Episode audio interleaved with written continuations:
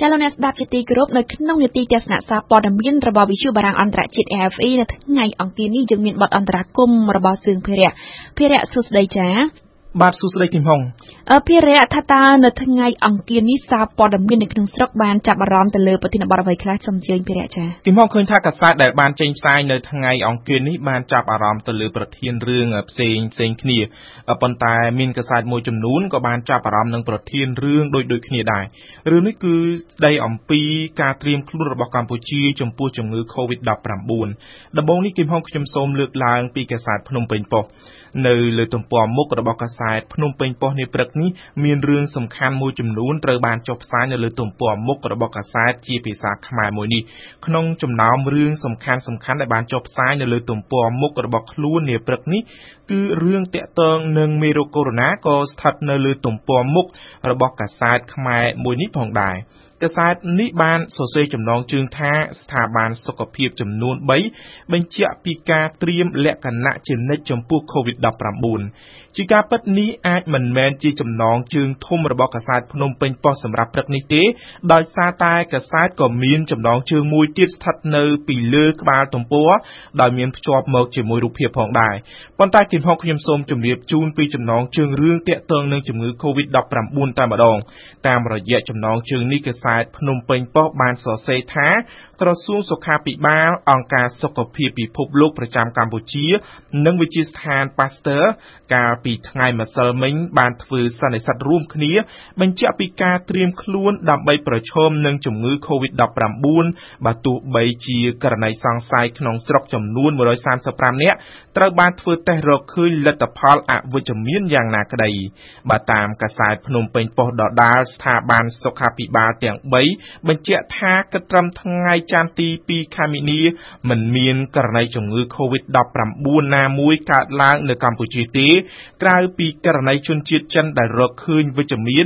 នៅខេត្តព្រះសីហនុកាលពីខែមករាចំណែកកាសែតខ្មែរថាមវិញនៅព្រឹកនេះហាក់បានផ្ដល់តម្លៃខ្លាំងតែម្ដងលើរឿងតាក់ទងនឹងជំងឺ Covid-19 នេះគឹមហុង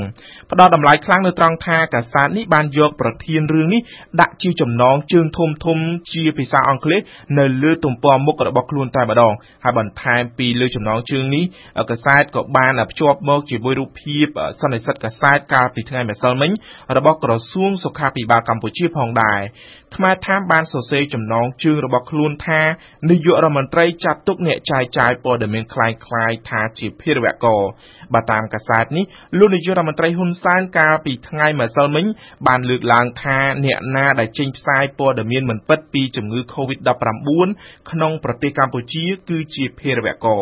ការលើកឡើងរបស់លោកនាយករដ្ឋមន្ត្រីហ៊ុនសែនគឺធ្វើឡើងកាលពីថ្ងៃម្សិលមិញនៅក្នុងឱកាសចែកសញ្ញាបត្រដល់និស្សិត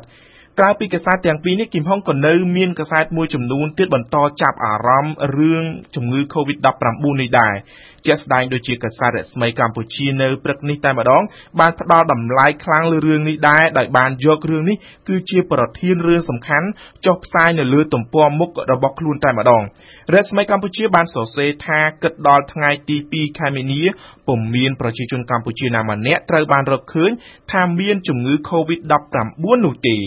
តាមរយៈចំណងជើងធំធំនៅលើគេនេះរស្មីកម្ពុជាក៏បានភ្ជាប់មកជាមួយផងដែរនៅរូបភាពសន្និសីទកាសែតដែលរៀបចំឡើងដោយក្រសួងសុខាភិបាលកម្ពុជា កាលពីថ្ងៃម្សិលមិញសូមបញ្ជាក់ដែរថាតកតងទៅនឹងរឿងជំងឺ Covid-19 នេះកាសែតរស្មីកម្ពុជាក៏បានសរសេររឿងមួយទៀតដោយដាក់ចំណងជើងថាពួកអ្នកបំពុលព័ត៌មានសង្គមជាជនទុច្ចរិតហើយក៏អាចក្លាយជាភេរវករផងដែរអឺភារៈឃើញថារឿងសំខាន់នៅព្រឹកនេះគឺភាគច្រើនតាក់ទងទៅនឹង COVID-19 ដែលពិភពលោកក៏ដូចជាកម្ពុជាកំពុងតែព្រួយបារម្ភតាក់ទិនទៅនឹងបញ្ហាសេដ្ឋកិច្ចវិញភារៈថាតើកាសែតខ្មែរនៅព្រឹកនេះបានចាប់អារម្មណ៍យ៉ាងណាដែរចា៎បាទគឹមហុងរឿងសេដ្ឋកិច្ចវិញត្រូវបានកាសែតភ្នំពេញប៉ុស្តិ៍ចាប់អារម្មណ៍និងចុះផ្សាយនៅលើទំព័រមុខរបស់ខ្លួននៅព្រឹកនេះតែម្ដងដែលតាក់ទងទៅនឹងការនាំចេញអង្ករទៅក្រៅប្រទេសក្នុងបរិបទនៃជំងឺ COVID-19 ដែលកំពុងតែផ្ទុះឡើងនៅក្នុងប្រទេសចិនកាសែតភ្នំពេញប៉ុស្តិ៍នៅព្រឹកនេះបានសរសេរថាការនាំចេញអង្ករបានកើនឡើង21%បើទោះបីជាការដឹកជញ្ជូនកំពុងរងផលប៉ះពាល់ដោយសារវីរុសកូវីដ -19 ក៏ដោយ បើតាមកាសែតភ្នំពេញប៉ុស្តិ៍ការនាំចេញអង្ករកម្ពុជាក្នុងរយៈពេល2ខែដំបូងក្នុងឆ្នាំ2020នេះបានកើនឡើងប្រមាណជាង21%បើទោះបីជាបញ្ហានៃការរីករាលដាលជំងឺឆ្លង COVID-19 កំពុងបង្កក្តីបារម្ភនិងប៉ះពាល់ដល់ការដឹកជញ្ជូននោះក៏ដោយកាសែតភ្នំពេញប៉ុស្តិ៍បានដកស្រង់របាយការណ៍ដែលបង្ហោះនៅលើបណ្ដាញសង្គមរបស់រដ្ឋមន្ត្រីក្រសួងកសិកម្មយកមកចុះផ្សាយថា ក្នុងរយៈពេល2ខែដំបូងការនាំចេញអង្ករកម្ពុជា ទៅកាន់ទីផ្សារអន្តរជាតិសម្រេចបានបរិមាណ136,499តោនកើនឡើង21%បើធៀបនឹងរយៈពេលដូចគ្នាកាលពីឆ្នាំមុនក្រៅពីរឿងមួយនេះកាសែតនៅក្នុងស្រុកក៏បន្តចាប់អារម្មណ៍នឹងរឿងនាវាដឹកប្រេងរបស់កាមេរូនមួយគ្រឿងដែលចូលសម្ចតនៅលើដែនទឹកកម្ពុជាត្រូវបានអាជ្ញាធរកម្ពុជានឹងហាមឃាត់និងចាត់ការតាមច្បាប់រឿងនេះត្រូវបានចុះផ្សាយនៅលើទំព័រមុខរបស់កាសែតកម្ពុជាថ្មីដោយមានភ្ជាប់មកជាមួយនៅរូបភាពនាវានោះផងដែរបើតាមកាសែតកម្ពុជាថ្មីអាជ្ញាធរមានសមត្ថកិច្ចចម្រុះរបស់កម្ពុជានឹងដែលដឹកនាំដោយនាយកដ្ឋាននគរបាលព្រំដែនទឹកបានចុះឃាត់នាវាបរទេសមួយគ្រឿងរបស់ប្រទេសកាមេរូនជាប្រភេទនាវាដឹកប្រេងដែលបានចូលចតគ្មានការអនុញ្ញាត រំលោភបូរណភាពដែនដីកម្ពុជា នៅម្ដុំកោះពុលឡាវ៉ៃខេត្តព្រះសីហនុចាអរគុណភិរិយសម្រាប់ការចូលខ្លួនមករៀបចំនីតិទេសនាសារព័ត៌មានរបស់វិទ្យុបារាំងអន្តរជាតិ RFE នៅថ្ងៃអង្គារនេះ